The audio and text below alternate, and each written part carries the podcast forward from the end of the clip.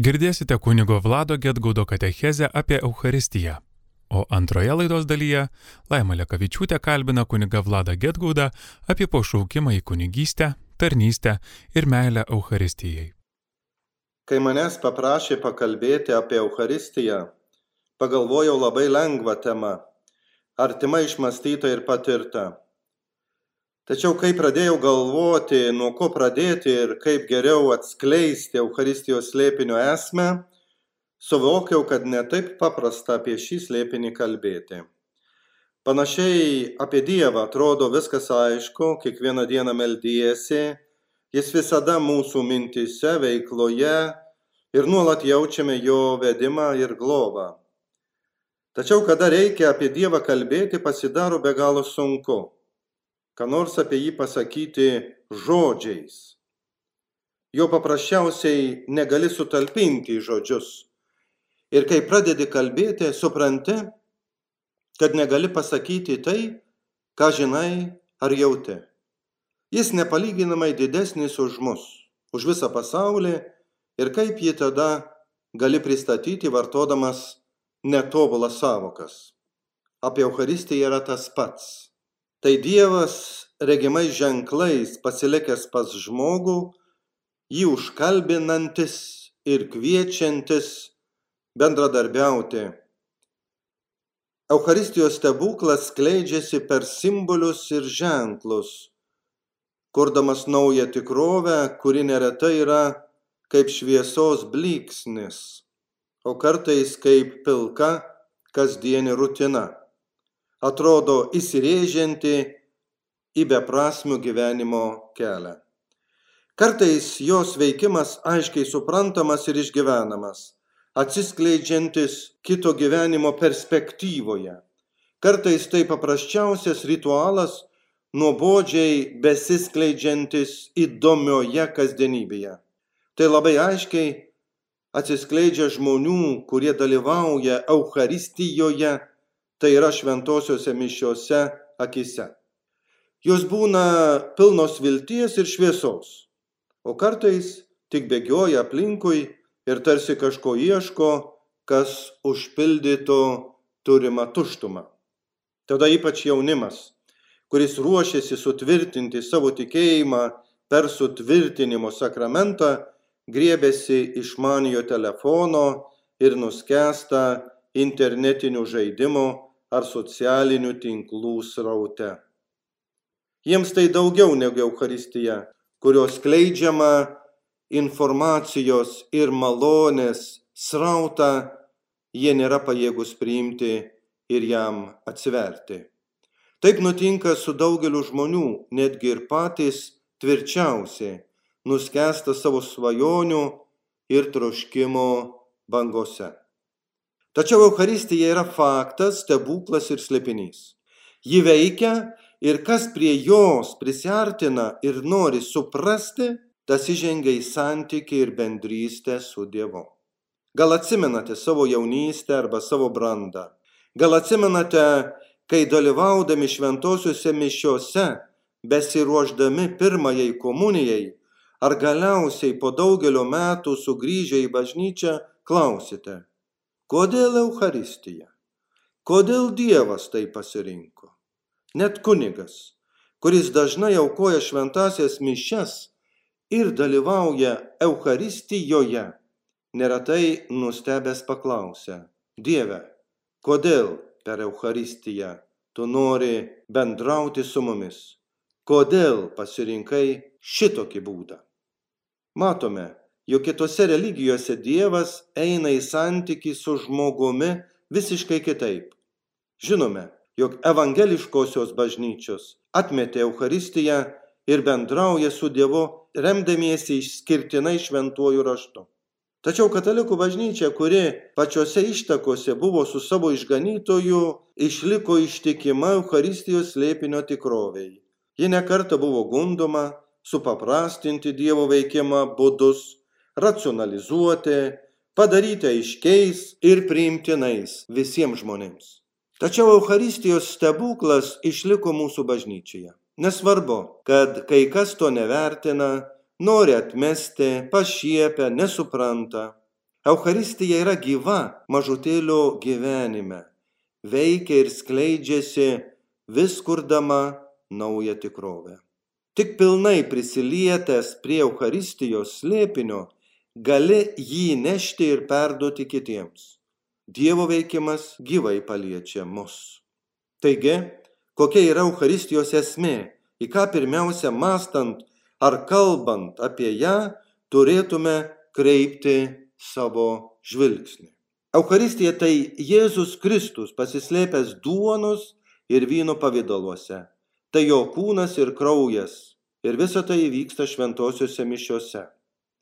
Žodis Eucharistija kyla iš graikiško žodžio Eucharistein ir reiškia dėkoti. Už ką dėkoti? Už tai, kad Dievas ateina pas mus, pasilieka su mumis, gelbėja ir išvaduoja mus iš nuodėmės ir mirties. Kai tai suvoki, tikrai pradedi dėkoti. Tokiu būdu mūsų šventosios mišios yra padėka ir Eucharistijos, tai yra Jėzaus Kristaus kūno ir kraujo prieimimas. Iš kur tai kilo? Kodėl šventosios mišios? Koks viso to pagrindas? Apie tai kalba šventasis raštas, ypač ištrauka, kurią girdėjome verbų sekmadienį. Kančios istorija prasideda paskutinis vakarienės šventimu. Luko Evangelijoje skaitome, atėjus metui, Jėzus sėdo su apaštalais prie stalo ir tarė jiems, trokšte troškau valgyti su jumis šią Velykų vakarienę prieš kentėdamas. Paėmęs taurę, jis padėkojo ir tarė, imkite ir dalykitės. Ir paėmęs duonos, jis padėkojo, laužė ją ir davė paštelams tardamas. Tai yra mano kūnas, kuris už jūs atiduodamas. Tai darykite mano atminimui. Atkreipkite dėmesį į sakinį. Tai darykite mano atminimui. Tai reiškia, teskite pradėtą Jėzaus naujo gyvenimo skelbimo misiją. Paskutinės vakarienės metu Jėzus suprato, kad atėjo jo valanda pasitraukti iš šio pasaulio. Koks buvo Jėzaus pagrindinis troškimas? Jis troško, kad gerosios naujienos skleidimas kurį jis pradėjo ir kuris keičia pasaulį, būtų tęsiamas. Ir pirmieji patyrę keičiančią Jėzaus jėgą buvo jo mokiniai, kurie nuolat buvo šalia jo. Todėl Jėzus perteikė visą save, visą savo gyvenimą ir mokymą paskutinės vakarienės šventimo tikrovėje, kuri tapo ženklas vedantis visus pirmin į Dievo karalystę. Jėzus paėmė duoną ir pasakė, čia esu aš, aš tapau duoną, nieko nepasilikau savo. Viską dovanojau, meilės vedamas jums.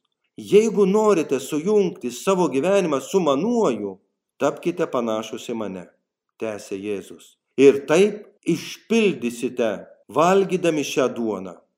Viešpaties dieną, tesdami mano gyvenimo istoriją, šitoje žemėje. Jeigu nuoširdžiai švesite Eucharistiją, taip mane pristatysite pasauliui. Tai darykite mano atminimui. Pasaulis jūsų bendruomenėse pamatys ir susitiks su manimi. Toks buvo Jėzaus troškimas. Toks yra ir iki šių dienų Jėzaus troškimas. Eucharistijos šventimas arba paskutinis vakarienės šventimas yra užrašytas šventajame rašte ir mes negalime nuo tos tiesos nusigręžti.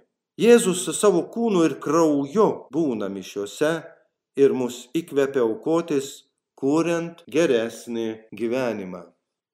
Taip mums visiems tampa aišku, jog Eucharistija yra ženklas, kuris nurodo ar kreipia mus į tikrovę. Tai nėra vien tik simbolis ar kažkas abstraktaus. Tik tas, kuris dalyvauja Eucharistijoje ir ją priima vyno ir duonos pavydaluose, bei įsipareigoja gyventi ir elgtis pagal Jėzaus paliepimą, tik tas realiai patiria šią tikrovę. Kitokiu atveju, žvelgiant iš toli, Eucharistija atrodo kažkokia abstrakcija, tolima, senų laikų tiesa, nereali ir neaktuali. Žmonės be Eucharistijos gyvena kitokį gyvenimą. Jie gyvena dėl savęs ir savo, kartais sunkiai gebėdami įprasminti pasitaikiančią kančią ar mirtį. Kai ego siūlas nutrūksta ir dainos akordai nutilsta, tyla apgaubia gyvenimo egzistenciją. Tuo tarpu Eucharistija, prie kurios prisiliečiame per tikėjimą, ir dalyvavimą joje mums primena tris pagrindinius dalykus. Pirma, Jėzus nenorėjo mūsų palikti vienų. Eucharistijoje jis visada pasilieka su mumis. Gyvenimo kelias neretai yra sunkus, Jėzus eina per jį kartu su mumis, mus kalbina, palaiko ir guodžia. Jo draugystė mums yra reikalinga. Įsikūnė žodis būna per Eucharistiją su mumis, kad mes jo nepamirštume kad kiekvieną minutę galėtume į jį kreiptis. Jėzaus atperkančioji ir išganomoji misija išlieka gyva ir veikianti kaip tada, taip ir šiandien jo mokinių tarpe. Antra, mes psichologiškai, moraliai ir materialiai nekartą esame pažeidžiami. Patiriame nemažai nusivylimų, įvairių sunkių problemų, dėl kurių nežinome, ką daryti ir kaip teisingai elgtis. Neretai esame aklavietėje dėl savo neteisingų sprendimų ir poelgių ir dėl kitų bei ir įvairiausių situacijų įtakų. Viešpats Eucharistijoje mus palaiko, sustiprina, įkvepia, nurodo teisingą kelią ir tinkamą išeitį. Ar esate pastebėję žmogų sergantį mirtina liga? Kaip jis reaguoja, kaip kabinasi į gyvenimą, kaip ieško išeities, kurios dažniausiai nėra. Dažnai toks žmogus puola į neviltį ir kaltina kitus bei visą pasaulį. Tuo tarpu tas, kuris visą gyvenimą per Eucharistiją, būtent priimdamas Kristaus kūną ir kraują, randa paguodą, suraminimą ir amžinų gyvenimo viltį. Kodėl? Todėl, kad susijungia su mumis Eucharistijoje Jėzus Kristus. Eucharistija gyvenimo duona, kuri mus maitina, veda saugiai per gyvenimą ir mirties vartus. Jėzus per savo dieviškumą ir galybę bei šventumą ateina pas mus ir pripildo mus savo šviesa ir tiesa. Mes kaip bažnyčia esame Kristaus kūnas ir jo šventovė. Kristus sako, ateikite pas mane visi, kurie verkstate ir esate prislikti, aš jūs atgaivinsiu. Trečia, Eucharistija yra viešpaties Jėzaus Kristaus kančios ir mirties atminimas. Visą tai bažnyčioje per šventų mišių auką yra sudabartinama, atnaujinama ir aktualizuojama. Dalyvauti ir švęsti Eucharistiją reiškia atsiminti, priimti ir dalyvauti visame tame, ką Jėzus yra padaręs dėl mūsų. Tokiu būdu mūsų ir jo kančia susilieja. Mūsų ir jo mirtis persiskverbia. Ir mūsų gyvenimas ir jo gyvenimas tampa viena prisikėlime, kurį Dievas dovanoja. Taigi, Eucharistija yra labai svarbus mūsų gyvenimo momentas. Per ją mes iš tiesų susitinkame su Jėzumi. Per ją mes pereinam per skausmą, per kančią, per ją mes einame į gyvenimą. Ir Velykos tai yra prisikėlimo ir gyvenimo šventimas, kurį Dievas duoda Jėzuje Kristuje. Amen. Las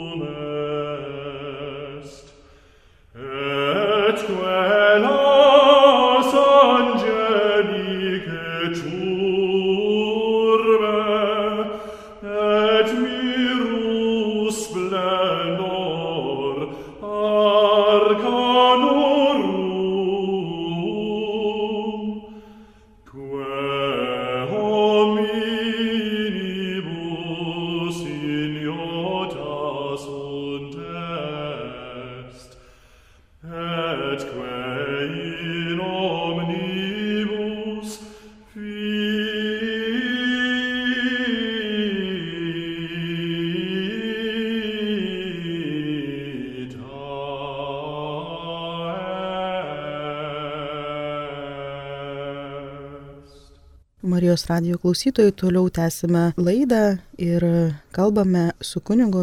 Tai noriu jūsų paklausti, kaip jūs atpažinote kunigo pašaukimą? Žinoma, kunigo pašaukimas yra specifinis dalykas. Ir pirmiausia yra, kad Dievas tampa toks realus, tikroviškas, pajaučiamas, kad tu panori su juo sudaryti sąjungą. Tampi įsimylėjėliu ir nori kartu su juo gyventi.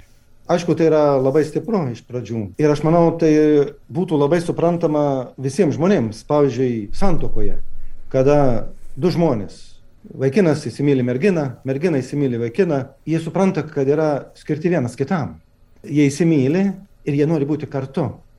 Ir kaip gyvenime visko nutinka, yra tam tikrų iššūkių ir tam tikrų sunkumų, be abejonės ir kunigo kelyje, kada jis atsiliepia šitą pašaukimą, yra įvairių sunkumų ir iššūkių, bet neskaitant to, tu visada nori būti kartu. Tam tikrą prasme, tu gyveni dėl Dievo, nes Dievas gyvena dėl tavęs. Ir tai tampa labai akivaizdu ir aišku.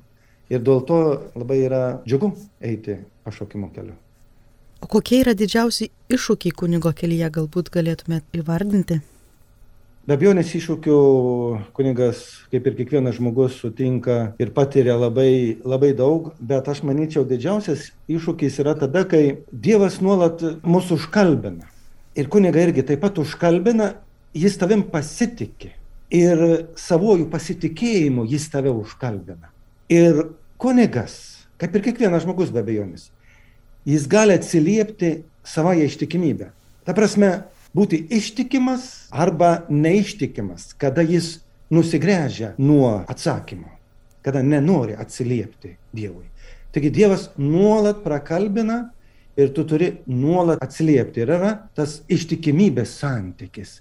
Bet jis kada dinksta ir nu, tai pasitaiko, kunigui, aišku, jis tada, tada jis negali būti ištikimu. Ir tada prasideda visos bėdos. Tai yra turbūt pirmiausias ir didžiausias iššūkis ir sunkumas kunigų kelių. Taigi tu turi būti nuolat atidus ir stengtis nuolat atsiliepti į tave vis užkalbinantį Dievą. Kunigas daug žmonių sutinka savo parapijoje, bendruomeniai. Galbūt teko susidurti arba pastebėjote kažkokius lūkesčius, su kokiais žmonės ateina pas kunigą ir kartais gal tie lūkesčiai būna ir na, kaip sakyt, nepamatuoti, bet galbūt kokie dažniausiai va, tų žmonių lūkesčiai iš, iš kunigo?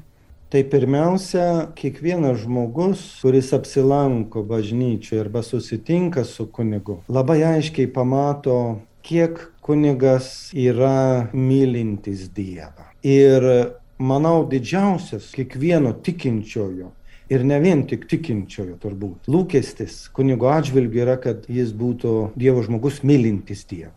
Pavyzdžiui, jeigu Dievas yra man labai svarbus, svarbiausias už viską. Ir aš stoviu prie altoriaus ir aukoju mišias. Tos mišios yra tau kitokios. Tu niekur neskubi, tu kalbėsi su Dievu, tu būni su juo, tu meldiesi, tu esi su juo santykyje. Ir tau yra gera būti. Ir žmogus dalyvaudamas mišiuose šitai pastebi, kad kunigui yra svarbu Dievas ir jis nori būti su juo. Ir tada žmogus irgi yra laimingas. Tačiau jeigu žmonės pamato mus kunigus, tai prie altoriaus stovi ir tau yra kažkas svarbiau.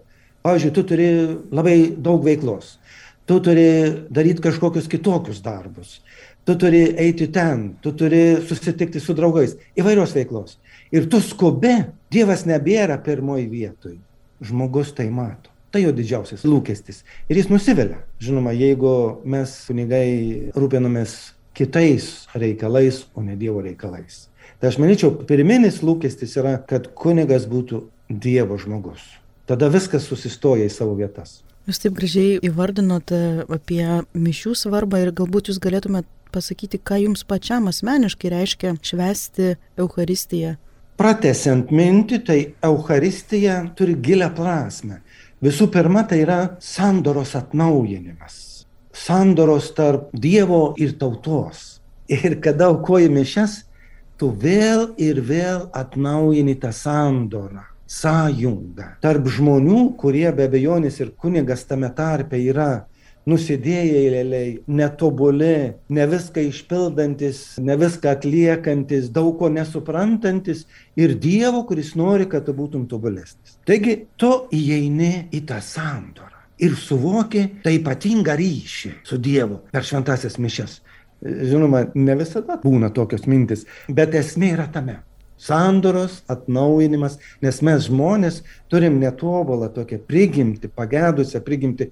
Mes vėl keliaujam savo keliais, pamirždami, jog mes turime būti ištikimi Dievui. Mišios ir yra šito sandoro šventimas, atkartojimas arba kaip teologija kalba, sudabartinimas. Vėl tos sandoros kada e, Jėzus miršta ant kryžiaus ir prisikelia dėl visų mūsų atnaujinimas, buvimas tame momente. Tai yra įspūdingas momentas, jeigu tą gali pajausti, jeigu mišiuose tą gali išgyventi.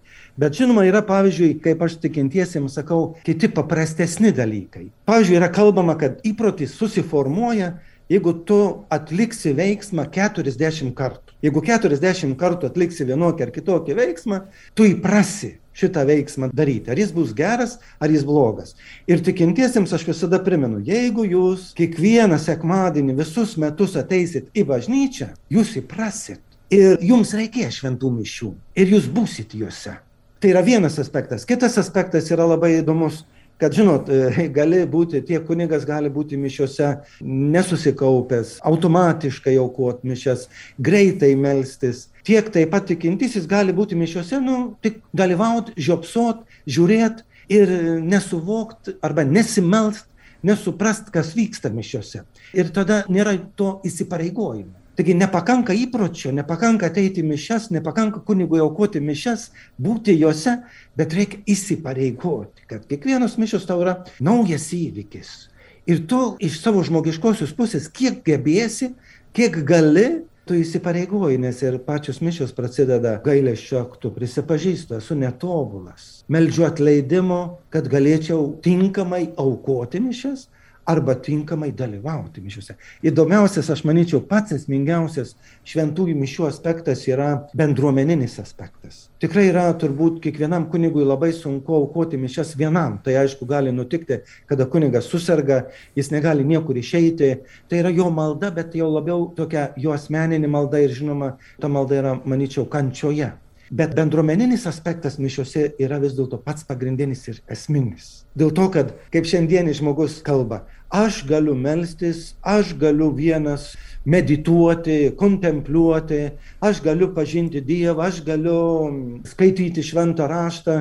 Taigi individualiai žmogus šiandien ieško savo santykių su Dievu, tačiau jeigu mes bandėm ką nors daryti, pavyzdžiui, vieni, individualiai. Labai dažnai mums nepasisekė išpildyti šito veiksmo arba įsipareigojimo arba noro arba troškimo. O jeigu mes darom kartu ką nors, tai mes vienas kitam padedam. A, tu darai, aš turiu neatsilikti. Aš irgi turiu taip pat stengtis vienokį ar kitokį dalyką išpildyti. Taigi ir mišiuose, kada mes kartu melžiamės, mes vienas kitą palaikom. Ateina, pavyzdžiui, bendruomenė, ne? melžiasi kunigas aukoja mišias prieš bendruomenę. Ir tu negali būti apsileidęs meldės, nes jie meldžiasi ir tu matai, jie meldžiasi.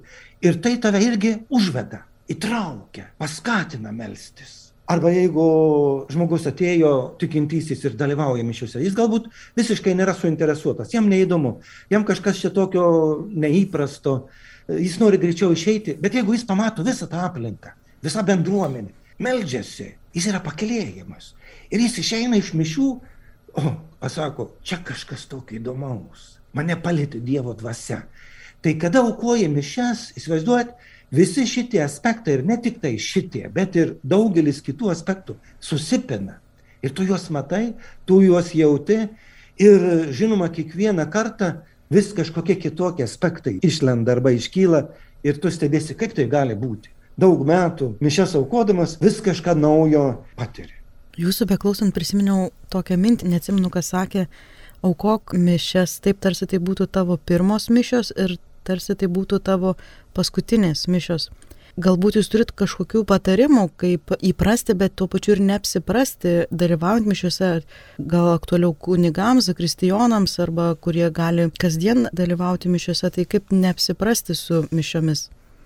Žinoma, tai iššūkis kiekvienam žmogui, nes daugelis žmonių, pavyzdžiui, kurie kreipiasi, visada sako, nu, buvau įsiblaškęs maldoje. Pradedu melstis, man sukasi kitokios mintis. Tai nėra paprasta taip viską suvaldyti ir, ir mišios nėra išimtis, kada tu kiekvieną dieną juose dalyvauji arba kiekvieną dieną jas aukoji gali pasitaikinti, kad tos mintis, kažkokios kitokios mintis pradeda suktis galvoj ir tu nebežinai, kur esi. Taip, tada yra tas apsipratimas. Bet vis tiek aš manyčiau, kad yra įmanoma sustoti. Manau, pirmas žingsnis, pats pagrindinis, yra neskubėti. Atėjai pabūti su Dievu. Ir šitas momentas yra ypatingas, yra specialus. Šitame momente tu būk čia ir dabar tu negalvok apie tai, ką turėsi nuveikti, kur turėsi eiti, ką turėsi daryti ir panašiai. Tai jeigu mes gebam šitame bėgančiame pasaulyje sustoti ir skirti laiką savo, žinoma, kad tai nėra taip paprasta ir lengva, bet jeigu mes į tai atkreipiam dėmesį, sustojam ir būnam Dievo akivaizdoj, tai tada yra kažkas nuostabaus. Dievas atsiliepia, tada Dievas užkalbina, tada su Dievu tu kalbėsi.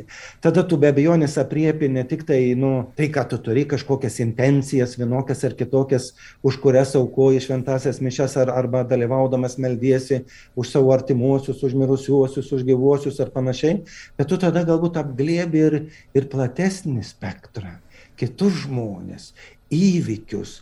Ir visą tai dalyvauja, įtraukia į savo maldą ir visą tai tave praturtina. Tai tada galbūt tie aspektai, aš manyčiau, padeda žmogui susikaupti, išgyventi tą momentą, nepriprasti.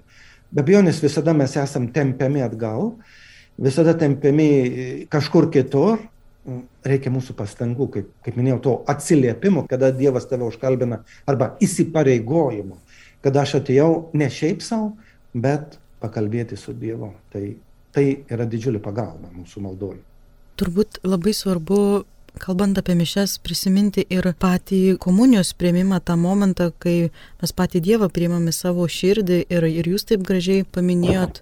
Kartais e, vis tiek žmonės, kurie dalyvauja mišiuose, tarsi vis tiek nepasikeičia, nepasidaro labiau pagal Evangeliją gyvenantis į Kristų panašus, nors komunija tarsi turėtų mūsų stiprinti. Ir, ir tai kodėl taip kartais atsitinka, kad mes priimam komuniją, bet vis tiek liekam tokie patys, tarsi nepasikeičiam.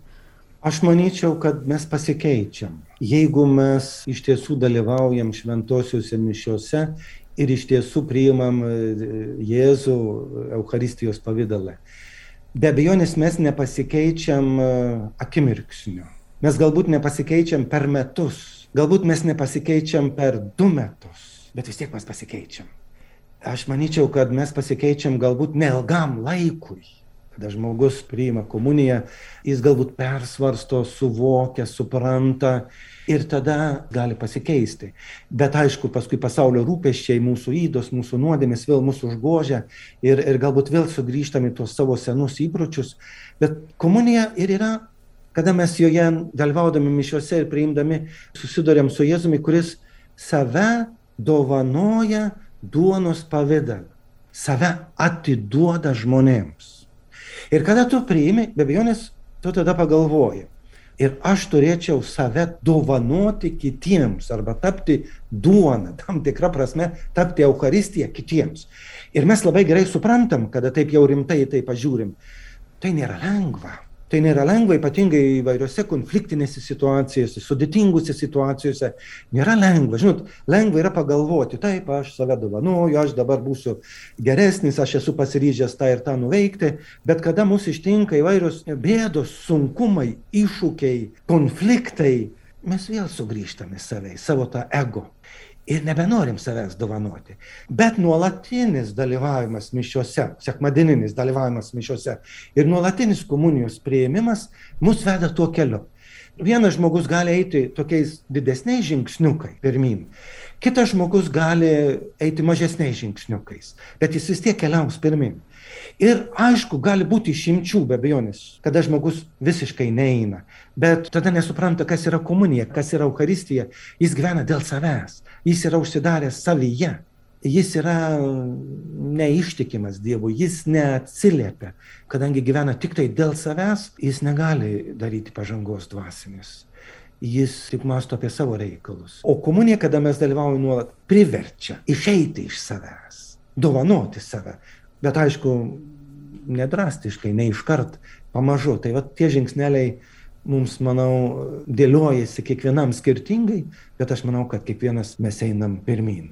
Nežinom, kada mes kažką pasieksim, kada būsim tobulesni, kada kažkokius tikslus, kuriuos užsibrėžiam savo dvasinėme gyvenime, įgyvendinsim. Mes to nežinom, bet mes keliaujame, mes esam keliai. Norėčiau sugrįžti prie pašaukimo į kunigystę ir galbūt kažkoks įvykis palėtė įsiminė jums per jūsų šitus tarnystės metus. Taip, įdomių įvykių, be abejonės, labai įdomių įvykių nutinka kunigų gyvenime ir aš kartais stebiuosi šiandien jaunai žmonėmis, kurie ko gero yra Dievo šaukiami pasirinkti kunigišką pašaukimą, bet jie išsigasta, bijo, galvoja, kad gyvenimas kunigų yra neįdomus, nuobodus, pastoviai bažnyčia, malda, jokių kitokių įvykių. Kunigo gyvenimas atvirkščiai yra labai įdomus, labai daug įvykių. Aš galbūt norėčiau pasidalinti tokiu nutikimu, kai man teko dar gyventi Romoje ir aš eidavau aukoti šventasias mišes į vienuolyną. Vienuolis mišes turėdavo 7 val. ryte tai dar iki vienuolyno reikėdavo nueiti netrumpą kelią ir, žinot, reikėdavo anksti keltis. Ir tai būdavo tam tikras iššūkis, tam tikras sunkumas. Ir vienuolėms be abejonės nebuvo lengva 7 val. atsikėlus jau melstis mišiuose, aišku, jos kitas maldas kalbėdavo. Ir štai mes visi susirinkdavom ir kiekvieną dieną, išskyrus sekmadienį. Ir mūsų visų troškimas, tiek vienuolių, tiek mano kaip kunigo buvo pradėti dieną garbinant ir šlovinant Dievą. Taip kaip mokam, savo netobulume, savo galbūt sunkumuose. O štai vienuolis ir jos galbūt į kunigą tada žiūrėdavo ne taip kaip į, nu, vat kunigas jis ateina, labai džiugu, jis aukojasi, jis mums aukoja mišes, bet žiūrėdavo į tai, kad jis ateina ne dėl jų, bet jis ateina dėl Dievo jis ateina melstis. Ir aš taipogi, be abejonės, aišku, mielas su vienuoliu melstis visada, nes jos labai karštai meldžiasi ir tave, kaip minėjau, e, jeigu karštai bažnyčia bendruomenė meldžiasi, visada pakilėja, visada tave praskaidrina. Bet vis dėlto ne tiek dėl vienuolių, dėl Dievo. Kada Dievas yra centras, tada viskas tampa įmanoma ir tai teikia džiaugsmą. Ir tokių įvykių yra, yra labai daug. Žmogus žiūrėdamas iš šono jis galėtų pagalvoti, koks vargas, koks sunkumas kiekvieną dieną ryte kelti šeštą valandą, eiti kažkur melstis. Atvirkščiai tai teikia džiaugsmą. Ir tau pačiam tai teikia džiaugsmą. Kitas įvykis, kai teko dirbti Milane, labai daug reikėdavo klausyti iš pažinčių. Ir ten savaitę reikėdavo klausyti. Pertrauka pietų ir vėl to klausai iš pažinčių. Kas įdomiausia yra, kartai žmonės klausia, ar tos išpažintis, tos nuodėmės, blogybės, kurios yra išsakomos, tavęs nenuvargina, tavęs neslegia psichologiškai ir panašiai. Žinot, atvirkščiai, tave nuvalo, tave nuskaidrina, tave pakelia. Atrodytų paradoksas. Nuodėmės, ne, blogybės, kurias atneša žmonės ir nuolat tau supila. Ką tai reiškia? Kad čia ne tu svarbiausias esi. Čia Dievas yra svarbiausias. Ir jis nuvalo tiek tave, kuris klausai iš pažinčių, tiek tuos žmonės, kurie ateina. Žinot, tai yra patirtis, kurią aš, jeigu vat štai išsakau, tu ne, negali perteikti. Žmogus gali nesuprasti, kaip tai gali atsitikti, bet tai yra. Ir daugybė, daugybė kitokių panašių įvykių kunigų gyvenime. Tu visada stebėsi, kaip taip gali būti, kad paprastai neturėtų būti, o yra visiškai kitaip, negu tu galvoji. Ir paskutinis klausimas jau šiandien laidoje kaip ir pradėjom laidą, kad žmonės vis tiek ateina pas kunigą su kažkokiu lūkesčiu ir ką jūs galėtumėt pasakyti tiems žmonėms, kurie susiduria su kunigais, kurie nepateisina jų lūkesčių arba gal net ir iš tikrųjų yra ne visiškai, kaip sakyti, atlieka savo tarnystę ir nori patarnauti žmogui. Tai ką jūs pasakytumėt tiems žmonėms, kurie susitinka vat, na, netobulus kunigus? Žinoma, netobulų kunigų visada yra Jų turbūt visada buvo ir visada bus ir tai mes turim patirti kiekvienas. Du dalykai, manyčiau, yra pagrindiniai. Pirmas dalykas, kada mes susitinkam su kunigu, kuris mums gali nepatikti. Pirmas dalykas yra pretenzijos Kartai žmonės turi labai įvairias pretenzijas, norus, smulkmenas, bet jiems jos nėra smulkmenos. Ir jie nori, kad būtų taip ir taip, kaip jie nori. Bet jeigu kunigas pradės visas visų žmonių pretenzijas įgyvendinti, iš esmės tikrai nebebus tvarkos. Tai tas pirmas aspektas visada žmogus turėtų pasižiūrėti, ar tai, ką aš pretenduoju, nėra smulkmena, nesminis dalykas. Į tą turėtų atkreipti kiekvienas žmogus ir aišku, tai galime mes atskleisti, pasikalbėję vieni su kitais. Ir tada mes žinom, nu, tai rimta, tai nerimta. Antras momentas, be abejonės, iš tikrųjų, kada mes pamatom tam tikras rimtas įdas, bėdas kunigų gyvenime. Aš manyčiau, kad tikintieji bendruomenė turėtų drąsiau reaguoti. Ir kaip yra Evangelijoje pasakyta, pirmiausia, žinoma, reikėtų pakalbėti, reikėtų turėti drąsos pakalbėti akis į akį su kunigu, kad tam tikri veiksmai yra netinkami, žaidžia juos kaip tikinčiuosius, greuna bažnyčią, kad jie yra taisytini, kad kunigas turėtų tai atkreipti dėmesį, kad turėtų tų įdų vengti, kad turėtų daryti atgailą. Aš manyčiau, tikintieji yra tas pirmasis impulsas. Ir ko gero, mano galva, tikintieji yra pats pagrindinis tas impulsas. Nes jie mato, jie žino ir tu negali išvengti. Ir kada jie prakalba, Žinoma, kunigas supranta, kad yra matomas, bet jeigu jis nėra kalbinamas pasikeisti, jis vienaip elgesi, bet jeigu yra kalbinamas, Be abejonės reakcijos gali būti visokios, bet jis vis dėlto yra kalbinamas atsisakyti jį, gyventi kitaip. Ir jis turi daryti neišvengiamai išvadas. Taigi, kaip ir šventas raštas sako, pirmiausia, kalbėk akis į akį, galbūt man atrodo, kad tai yra per daug, ką aš pretenduoju, galbūt tai yra netiesa, galbūt aš apsirinku, kas man atrodo, ką aš matau tame kunigė negero. Kalbėk akis į akį. Antras aspektas, kaip ir šventame rašte parašyta. Taigi, jeigu jis nepaklauso, pasikviesk liudytojus, žmonės, kalbėkitės kartu. Padėkit tam kunigui išlipti iš įdų, iš sunkumų, iš bėdų, ne tik smerkt, bet ir padėt, būti šalia, kalbėtis. Ir žinoma, jau trečias momentas, jeigu tai nieko nereiškia, tai žinoma, reikėtų jau tada kreiptis į kitas institucijas, bažnyčios vyresnybė, kuris sprendžia tam tikras blogybės įdas pasitaikančias kunigų gyvenime. Tai aš manyčiau, tikintieji turėtų būti aktyvesni ir drąsesni šitoj vietoj. Tai bus, kaip jie galvoja, nu jie nedrįsta, jie paskui galvoja, kaip čia mes bendruomeniai bendrausim, susipyksim, nebūsiu įvertintas. Žinoma, tie aspektai iškyla, bet antra vertus jie padeda kunigui pakelti, suvokti, pasitaisyti, kitaip gyventi. Tai ta pagalba, aš manyčiau, iš tikinčiųjų irgi yra būtina ir reikalinga. Nes nepalieka kunigas vienas, bet jis yra lydimas bendruomenės, dėl kurios jis irgi gyvena. Labai dėkoju už atvirą ir nuoširdų pokalbį. Su jumis šiandien laidoje buvo kunigas Vladas Getgaudas. Laidą vedžiau aš, Laima Lekavičiūtė. Sudie. Sudie, ačiū Jums.